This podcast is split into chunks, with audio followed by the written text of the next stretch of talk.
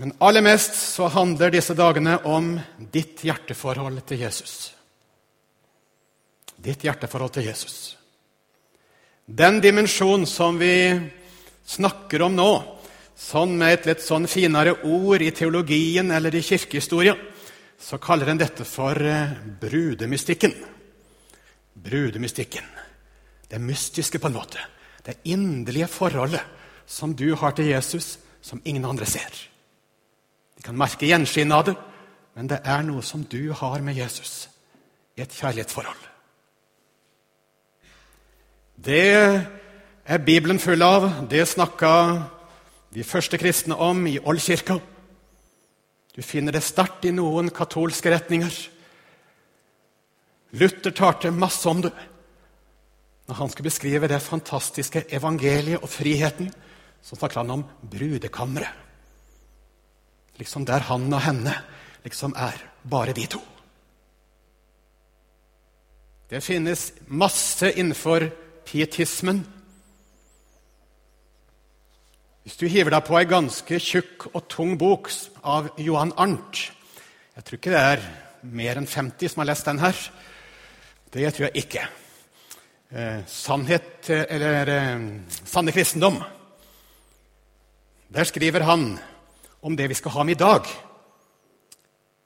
For Noe av det mest sentrale i dette med, med brudemystikken, det finner vi i Salomos høysang. Salomos høysang. Det hørte vi fra nå. Noen spennende vers fra Salomos høysang. Og Så skriver han gamle pietisten.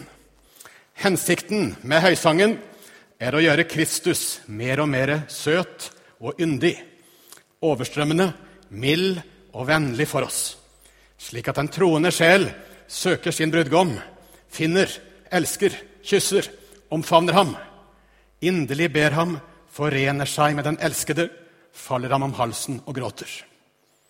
Hang de på? Du skjønte det? Litt spesielt. Det ble skrevet på 1600-tallet. Så har det vært mange forkynnere opp igjennom som har henta inspirasjon fra denne, denne dimensjonen. En som heter eh, Hudson Taylor, som står bak China Inland Mission. Det må forkynne evangeliet til Kina.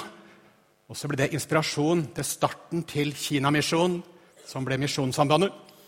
Han der engelske misjonæren han sa det at denne dimensjonen her, og det jeg leser, leser i Salomos høysang, er den sterkeste inspirasjonen til misjonærlivet.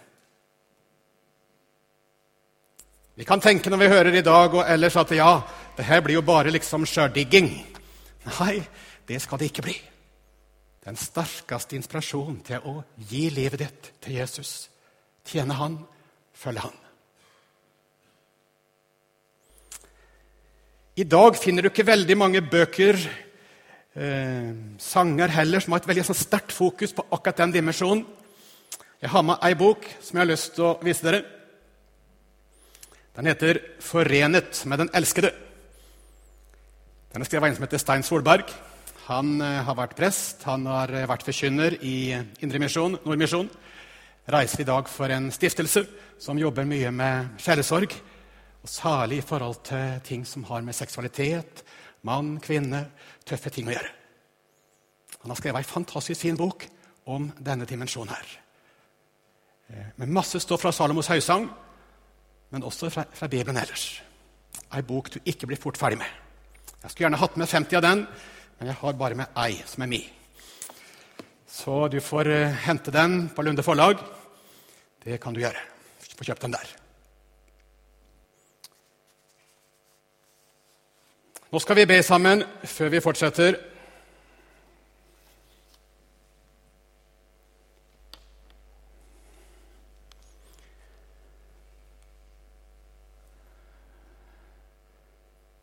Kjære Jesus, vi ber fortsatt om å få se deg klarere, bli mer glad i deg, fordi at du elsker oss så høyt. At hjertet vårt blir varma, og at det får betydning for livet vårt i møte med andre. Jeg har lyst til å be om din Hellige Ånd. Ta det inn i hjertet vårt.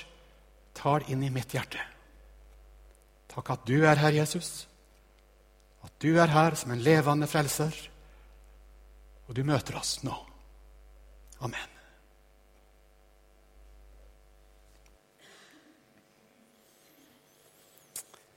Er det mange av dere som har lest Salomos høysang?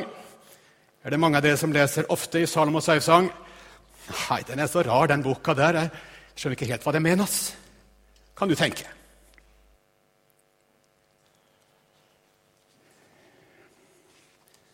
To ting som kan eh, sies i starten om den eh, boka i Bibelen.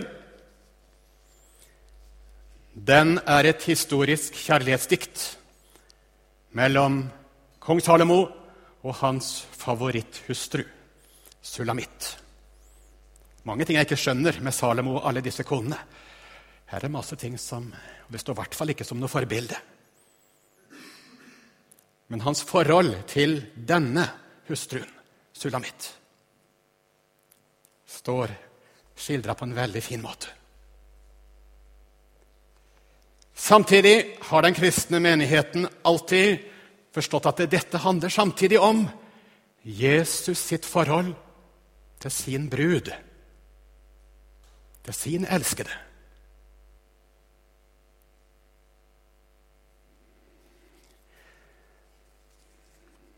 Det er ekstra behov for eh, å ta fram denne boka i dag. Eh, det er så mye rar tale om kjærlighet. Det er så mye forvrengt syn på seksualitet. Seksualitet i dag det handler veldig mye om egoisme. I hvert fall sånn som vi møter det i det som presser på oss. Det er meg, meg, meg, jeg som skal tilfredsstilt mine begjær.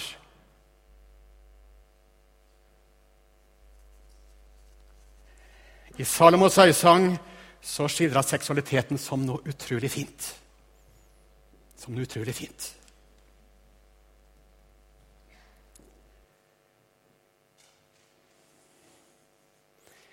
I høysangen så står det om hvordan brudgommen og bruden eh, nesten ruser seg hos hverandre. Betror hverandre sin kjærlighet.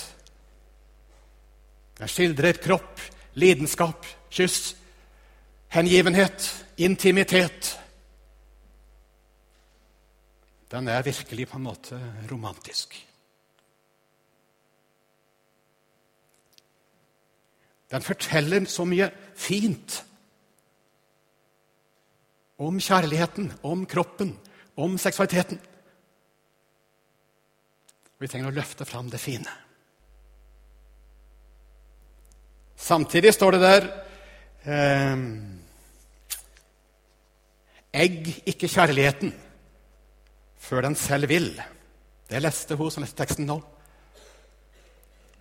Hun leste at 'sterk som døden er kjærligheten', 'hard som dødsriket er dens lidenskap'.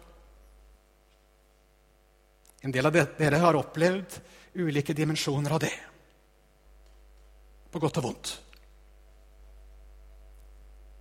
Og Så står det altså også 'egg ikke kjærligheten før den selv vil'. Salomos høysang har også veldig sånn nøkternt forhold til det. Det går an å drive fram noe som du tror er kjærlighet, men det er ikke det. Det kommer ikke fra hjertet.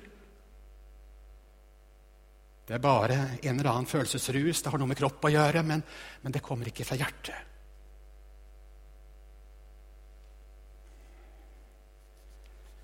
Litt mer om eh, Salomos høysang som eh, kjærlighetsdikt, eller litt mer om eh, seksualiteten.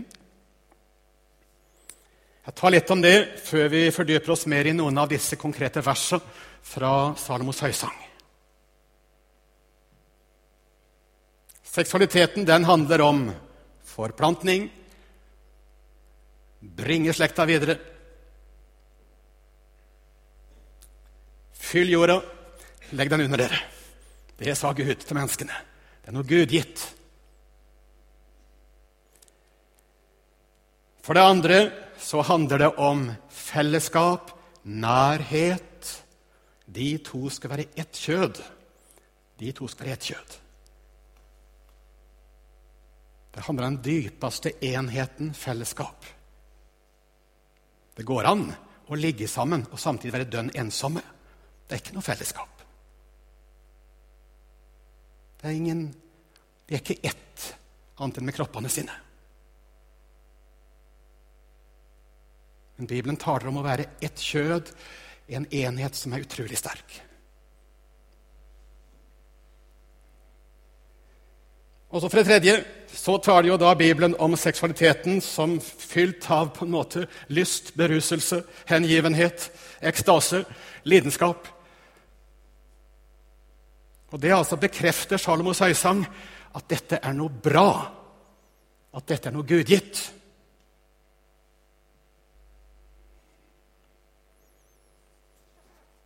Men så har altså vi en tendens i dag, og media hjelper oss, og miljøet rundt oss hjelper oss, og vår vonde natur inni oss hjelper oss til å rive det her ifra hverandre.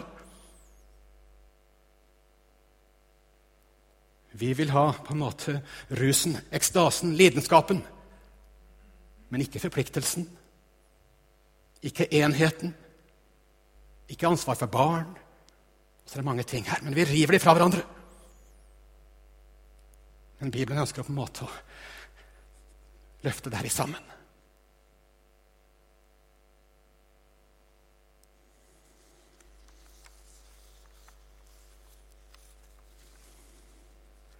Noen flere ord før vi går inn på selve liksom, hovedsaken med Kristus og menigheten.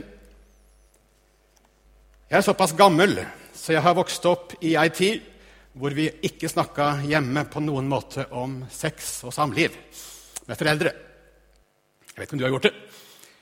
Eh, hjemme hos meg så snakka vi ikke om det.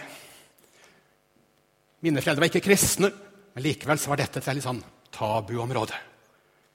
Og alt som hadde med sex å gjøre, det ble veldig skummelt. Vi slo av TV-en, og vi, det ble på en måte en sånn rar stemning når et sånt tema kom opp. Det var på en måte skambelagt. Sånn som nevnt i starten her. Fylt av skam. Så jeg må nok si jeg har vokst opp i en generasjon og en del tanker rundt dette som er veldig sånn skambelagt. Alt er på en måte syndig.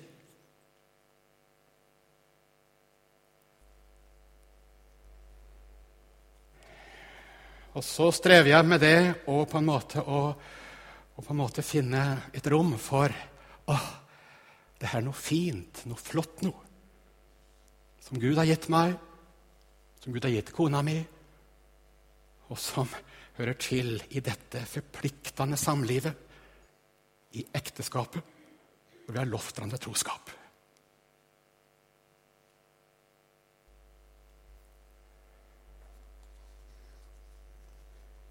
Jeg vet ikke hva som kommer først og sist.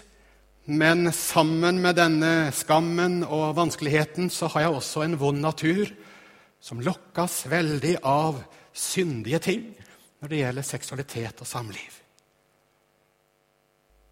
Men min vonde natur er svak for urene ting, syndige ting. Jeg syns ikke det har vært lett opp igjennom. Og jeg jobber såpass med sjelesorg, med bibelskoleelever og andre, og jeg vet at det er mange som strever her. Jenter, kanskje aller mest gutter. I hvert fall når vi begynner å snakke om dette med pornografi, eh, hva jeg ser på nettet, hva som så fort får liksom makt over tankene mine. Og så er jeg liksom så milevidt borte fra Salomos høysang og det her flotte som skildres der.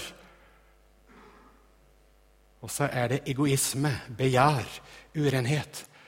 Og så får jeg på en måte et fokus på jentekropp og kvinnekropp som er så dumt, som er så skjevt. Og så blir du fylt med bare skam. Du er en idiot, liksom. Og du er det.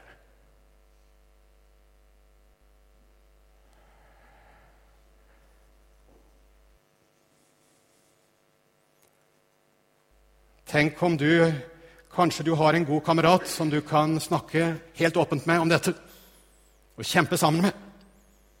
Kanskje du jente har ei god venninne du kan snakke helt åpent med og kjempe sammen med om det som er vanskelig. Ellers så tror jeg du trenger å snakke med en sjelesørger, en person du er trygg på. Og fortelle dette. Ah, det er mange ting rundt dette med seksualitet. Gode og urene tanker rundt dette som jeg strever med. Noen er en slave. Sitter time på time på nettet og fyller hjertet ditt med tvers igjennom syndige ting. Så samtidig står du og synger om Jesus, vitner om Han. Og så kjenner du samtidig på skam og på en måte ah, jeg er en hykler.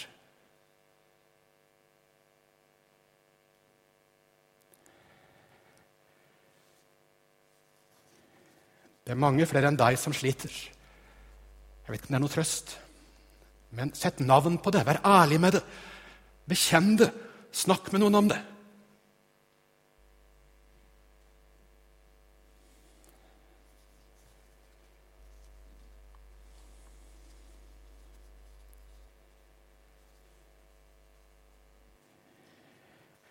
At vi får lov å takke Gud, kvinne og mann, for seksualiteten, de seksuelle følelsene, det du eier som mann og kvinne, det som Gud har gitt deg, og som ikke har blitt skeivt. Få lov å takke Gud for det. Og så samtidig leve åpent framfor Gud med det som har blitt vanskelig, og det som er skjevt og perverst og dumt i livet ditt. Det er både en gave, og så er det en byrde og smerte. Det tror jeg de aller fleste av dere kjenner godt til.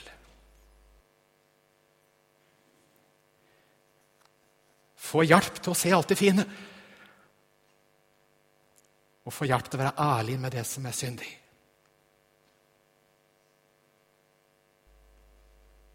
Jeg har rota det masse sammen, dette, inni meg. Synd og skam rundt seksualitet.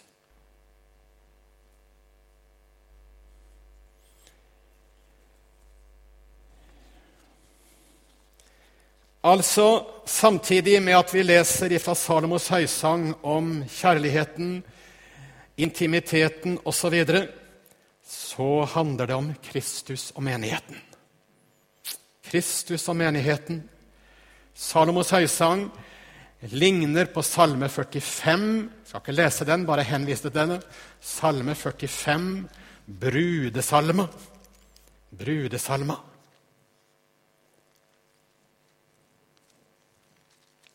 Som skildrer altså Kristus som brudgommen og deg som bruden. Men nå eh, dykker vi ned i noen vers i Salomos høysang. Eh, jeg har lyst til å si at Hebrebrevet bekrefter at Salme 45 handler om Jesus. Handler om nettopp dette.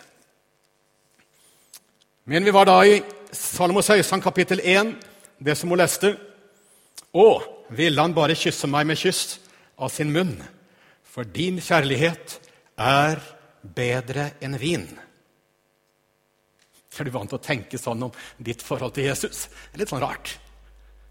Ja, det er litt rart.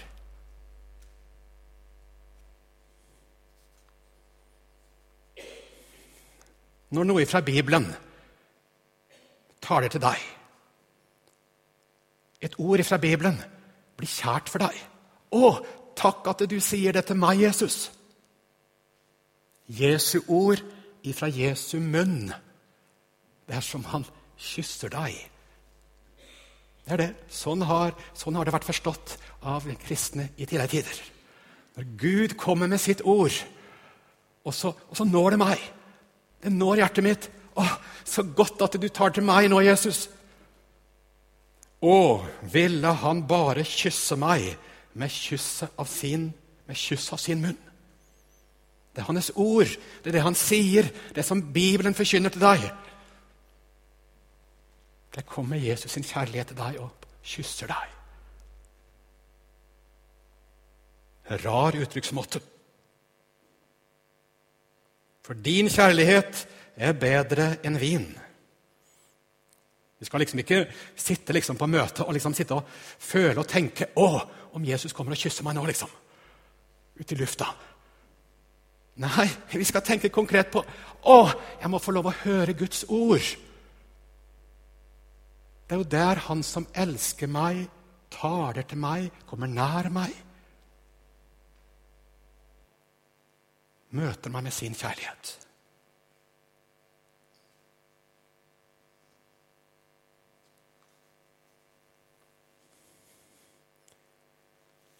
Her er det bruden som taler i starten. Det er den kristne. Det er bruden som taler til brudgommen. Ta meg med deg. La oss skynde oss. Kongen har ført meg inn i sine kamre. Vi vil fryde oss og glede oss i deg. Liksom Bruden er jo både entall og flertall. Inn i brudekammeret. Vi vil fryde oss. Ja, for sånn er det jo på en måte menigheten. Vi, vi er masse, masse folk. Og så er vi samtidig én brud. Én brud sprenger min lille hjerne. Vi vil fryde oss og glede oss i deg, i deg. Salomos høysang skildrer på en særlig måte kjærligheten og, og gjenkjærligheten. Vi elsker fordi Han elsker oss først. Vi elsker fordi han elsker oss først. Og Noen har sagt det at før du leser Salomos høysang, så skal du høre, lese, tenke på alt hva Jesus har gjort for deg på korset.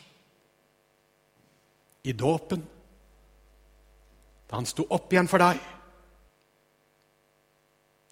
Salomos høysang handler om å være i Kristus. I Kristus.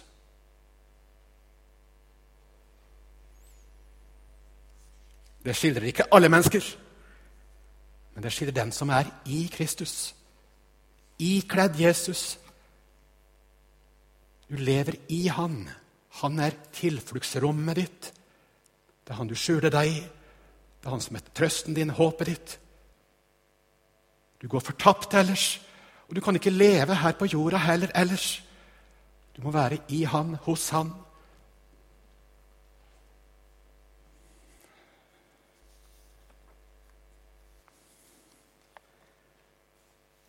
Derfor så sier bruden samtidig, 'Sort er jeg, men yndig'. Jeg vet ikke hvor vakker hun var i det ytre, hun eh, Sulamit. Har ikke peiling. Hun kjente også sikkert på ting som ikke var så veldig fint i eget liv. Tenk at Salomo vil ha meg Han derre fantastiske, mektige kongen. Han klokeste mann i verden. Og så vil han ha meg. Sort er jeg. Jeg hadde ikke fortjent han. Men så har han gjort meg til sin brud, og så får jeg lov å være yndig. Jeg får lov å være skjønn, sånn som han ser det. Den selvbevisstheten, den selverkjennelsen, har tydelig denne kvinna.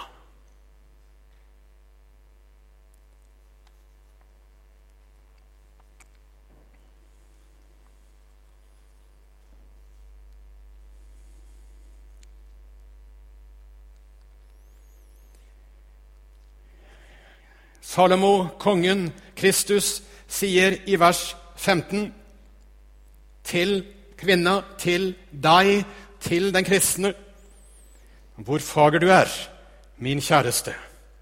Hvor fager du er. Dine øyne er som duer.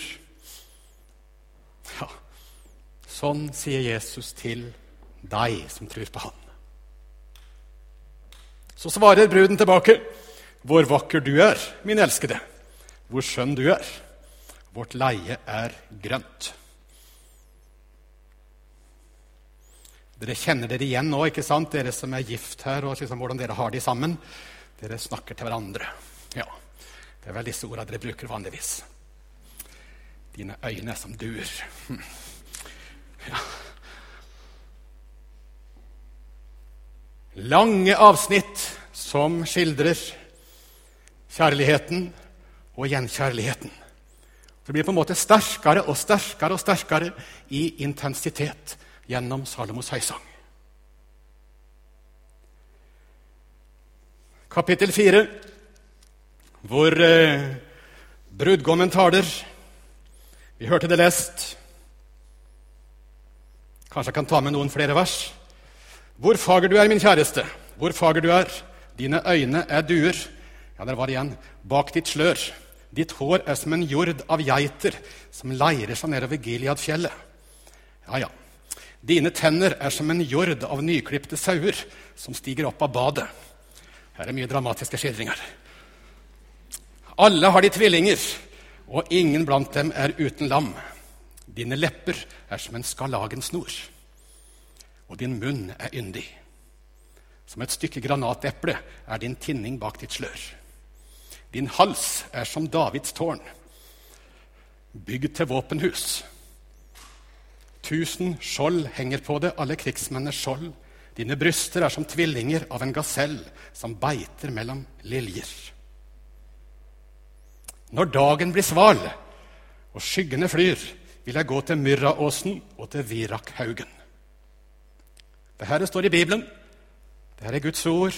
Det er inspirert av Den hellige ånd og skildrer kroppen din som noe flott nå. Som noe flott nå. Og den skildrer samtidig kjærligheten som noe ekte og sant og fint nå.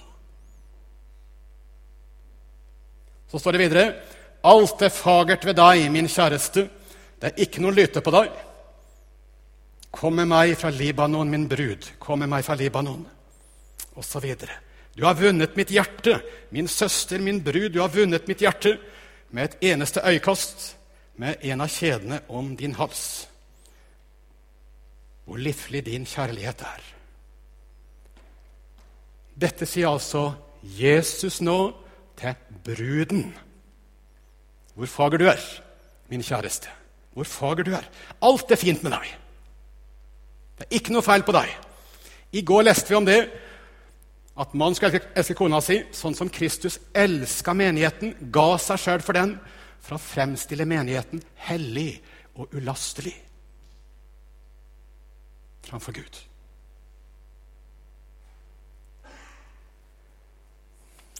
Her er det noe vi må rydde i når det gjelder hva tenker vi om oss sjøl.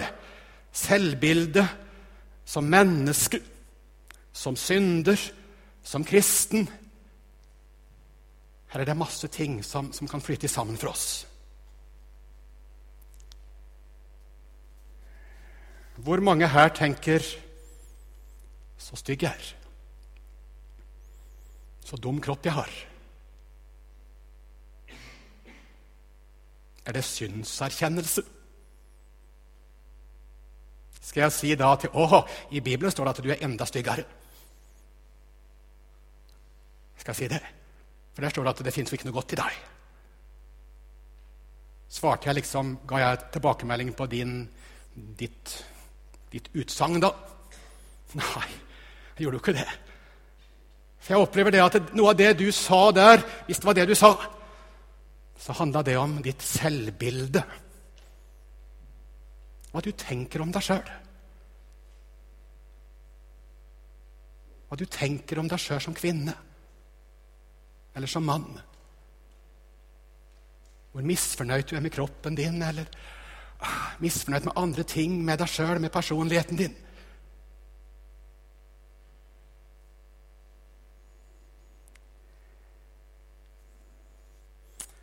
Jeg har lyst til å si det at det er ikke det som først og fremst Salomos høysang taler om. Selv om jeg tror Salomos høysang har noe fint inn å si der òg. Men da snakker vi om, om det å være skapte mennesker. Sånn som Gud har skapt deg. Første trosartikkel. Hvem er du? Jeg er et menneske som er skapt av Gud. Er et kunstverk i hans øyne, som et skapt menneske. Salme 139.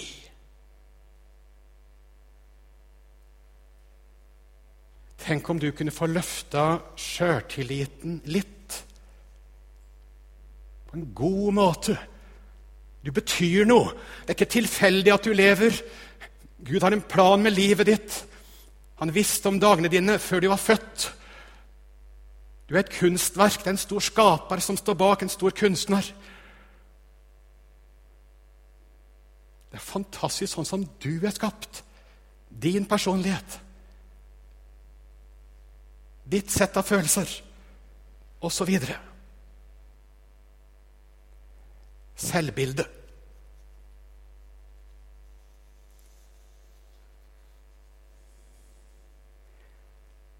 Jeg prøver å lære bibelskoleelevene det, og jeg tror det er sant.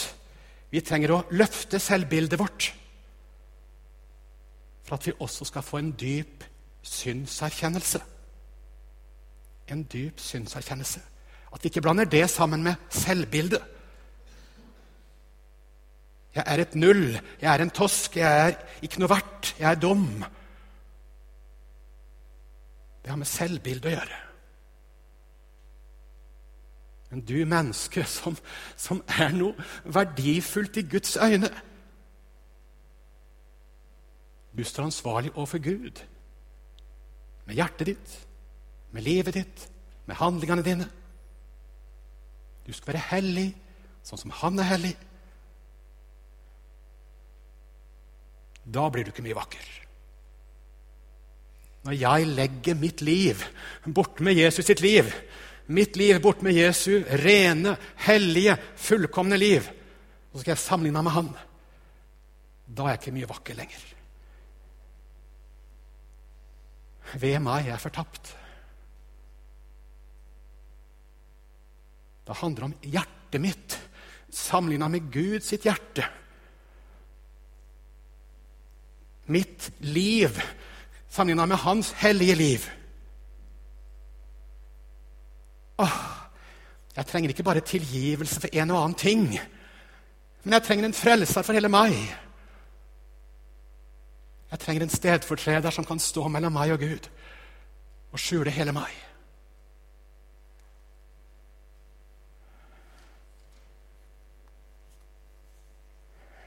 Kan jeg være en kristen? Du må gå fra meg, Jesus. Er det galt å tenke sånn? Nei, sånn, sånn tenkte de bibelske personene når de møtte Gud.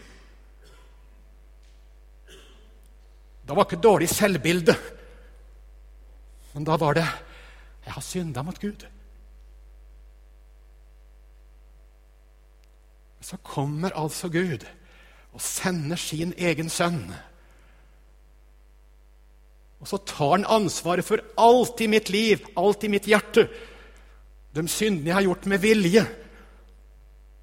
Og hjertet som har lyst til perverse ting. Jesus har tatt det på seg. Han har betalt prisen for det. For å vinne meg tilbake til å bli hans brud. Han har betalt for meg, dyrt kjøpt.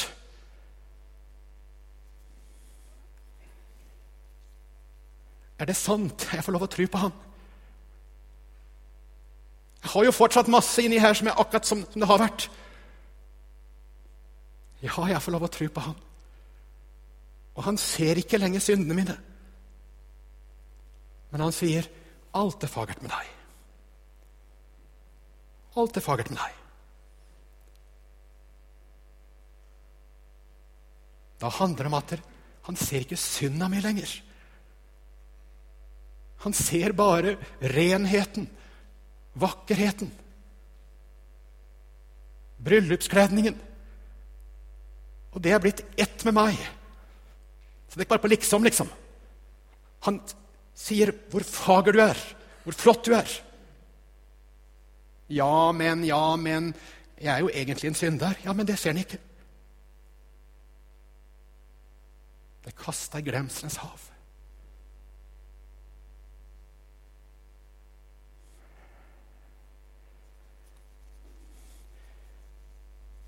Så når det skildres her liksom denne kjærligheten mellom brud og brudgom, så sier ikke han brudgommen 'Ja, så fin du er, men jeg vet jo egentlig at du er kjempestygg'.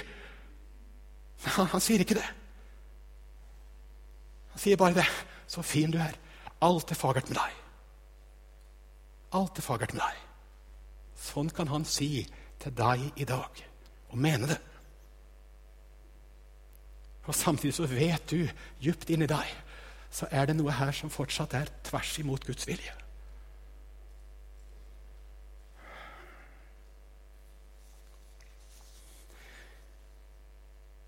Du har vunnet mitt hjerte med et eneste øyekast, sier han.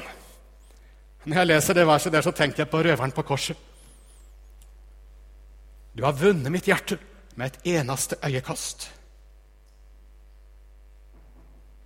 Røveren på korset han er jo da en type Jesu brud, blir det. Jeg fortjener å, å, å gå under. Er, ikke du redd for å møte Gud? sier han til kameraten sin. Han der har ikke gjort noe galt. Og så skjønner han det at jeg kommer til å gå, gå under. Det kommer til å gå galt med meg. Jeg kommer til å gå fortapt. Så vender han på en måte bare et forsiktig blikk imot Jesus og sier, 'Kan du tenke på meg?' Kan ikke du tenke på meg når du kommer i ditt rike? Og så vant han Jesus sitt hjerte med et eneste øyekast. I dag skal du være med meg til paradis. Du er min brud. Du er min brud. Du tilhører meg. Du er fin. Skurken.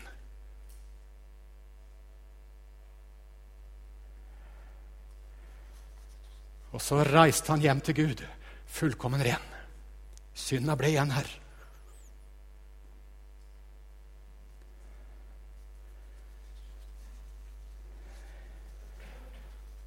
Det er altså dette som skildres i eh, Salomos høysang.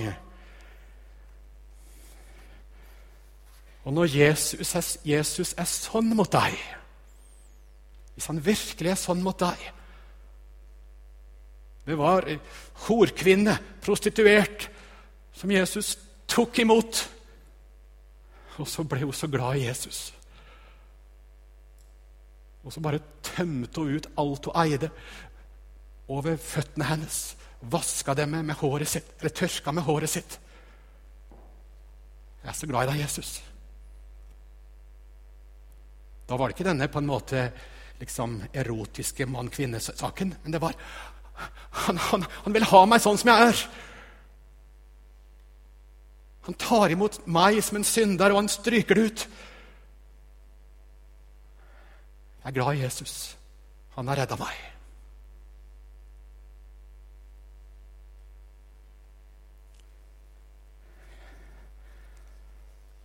Hun elsker mye, for hun er mye tilgitt. Hun elsker mye. Det var andre som sto ved siden av. De elska lite. Det var lite tilgitt. Men det var noen som elska mye, var mye tilgitt. Å, Tenk om du kunne være en sånn en brud. Min elskede er min. Det er bruden som sier, kapittel 2. Og jeg er hans, han som vokter sin jord. Min elskede er hvit og rød, utmerket framfor 10 000. Et annet sted står det 'Å, nå ble han borte for meg. Jeg må finne han igjen', sier bruden om, om brudgommen. Sånn tenker den levende kristne. Jeg må ikke miste Jesus. Åh, jeg får heller bli fattig her på jord. Det, det får heller skjære seg andre ting i livet. Men jeg må ikke miste Jesus. Brudgommen må ikke bli borte for meg. Jeg må ikke miste livet med han kjærligheten til Han. Ja vel, om så du kjenner på kjærligheten til Han er borte, da kommer du tilbake til Han igjen. For Han elsker deg. Han elsker deg. Så tennes det på nytt igjen.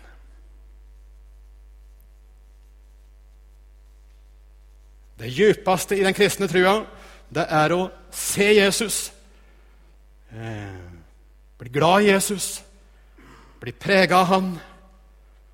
Målet i det fullkomne Guds rike, det er å være ett med Han. Jeg skjønner ikke. Det, det går langt over min lille, lille hjerne. Hvordan blir det? Det er ikke, ikke erotisk på den måten som vi liksom tenker mann og kvinne blir ett her. For det er, jo ikke, det er jo ikke kjønn på den måten i det fullkomne Guds rike. Nei, der skal vi være som englene, står det. Men vi skal bli ett med Han. Forent med Han. Vi har forsmak på det i nattverden. Du spiser Jesu legeme og blod. Du er ett med Han. Han er i deg, du i Han. Bli i meg, så blir jeg dere. Du er ett med Han. Det som er viktig for Han, er viktig for deg. Det som er viktig for deg, er viktig for Han. En sånn en frelser har du. Det er ikke noe i livet ditt som er uviktig for Han. Ja, men det her kan jeg ikke snakke med Gud om, for det er jo ikke så veldig åndelig. Jo, du er Jesu brud. Alt med deg er viktig for Han. Alt med Han er viktig for deg.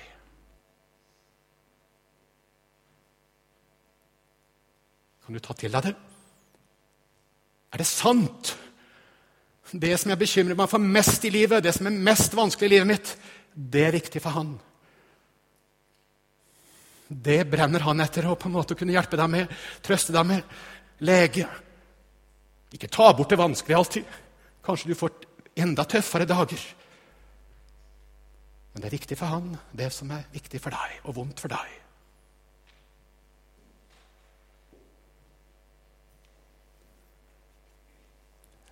En kristen kan bli berusa av sin tjeneste. Gled dere ikke over at ånden er dere lydige, men over at navnet er skrevet i livets bok. En kristen kan bli berusa av hans gaver. Det står masse flott om alle gavene. Åndens gaver, nådegaver, nådegaver og tjeneste.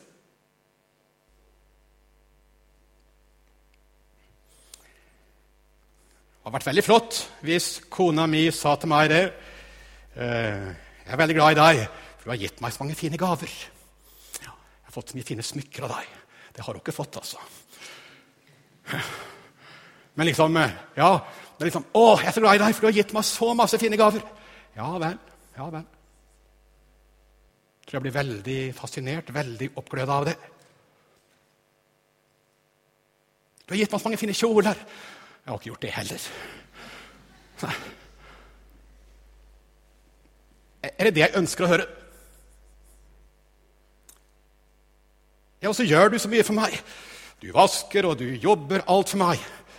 Ja, det tror jeg egentlig du er glad for, hvis jeg gjør det. Kanskje mer enn gavene, faktisk. Faktisk mer enn gavene. Eller at jeg hjelper henne med ting, eller på en måte gjør ting som kan være tungt. Hvis jeg gjør det. Jeg tror du aller mest ønsker Jeg er glad i deg fordi du er glad i meg. Det er du som er viktig, ikke gavene, ikke, ikke tjenesten, ikke det du gjør. Men hjertet ditt, den du er. Den du er. Få tak i det? Jeg er overbevist om at du tenker sånn her i livet.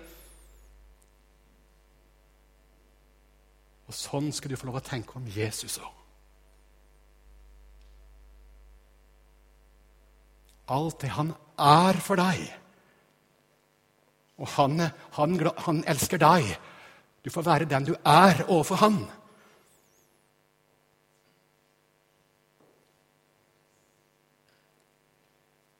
Og hans kjærlighet, den svikter ikke.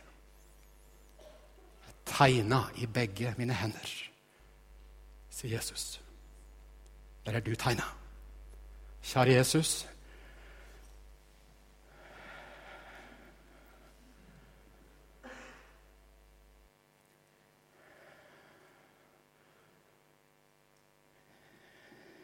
Vi ber at vi tror på deg, elsker deg. Ikke dine gaver mest og alt det du har gjort for oss, eh, slik med alt det vi har fått, men alt det du er for oss.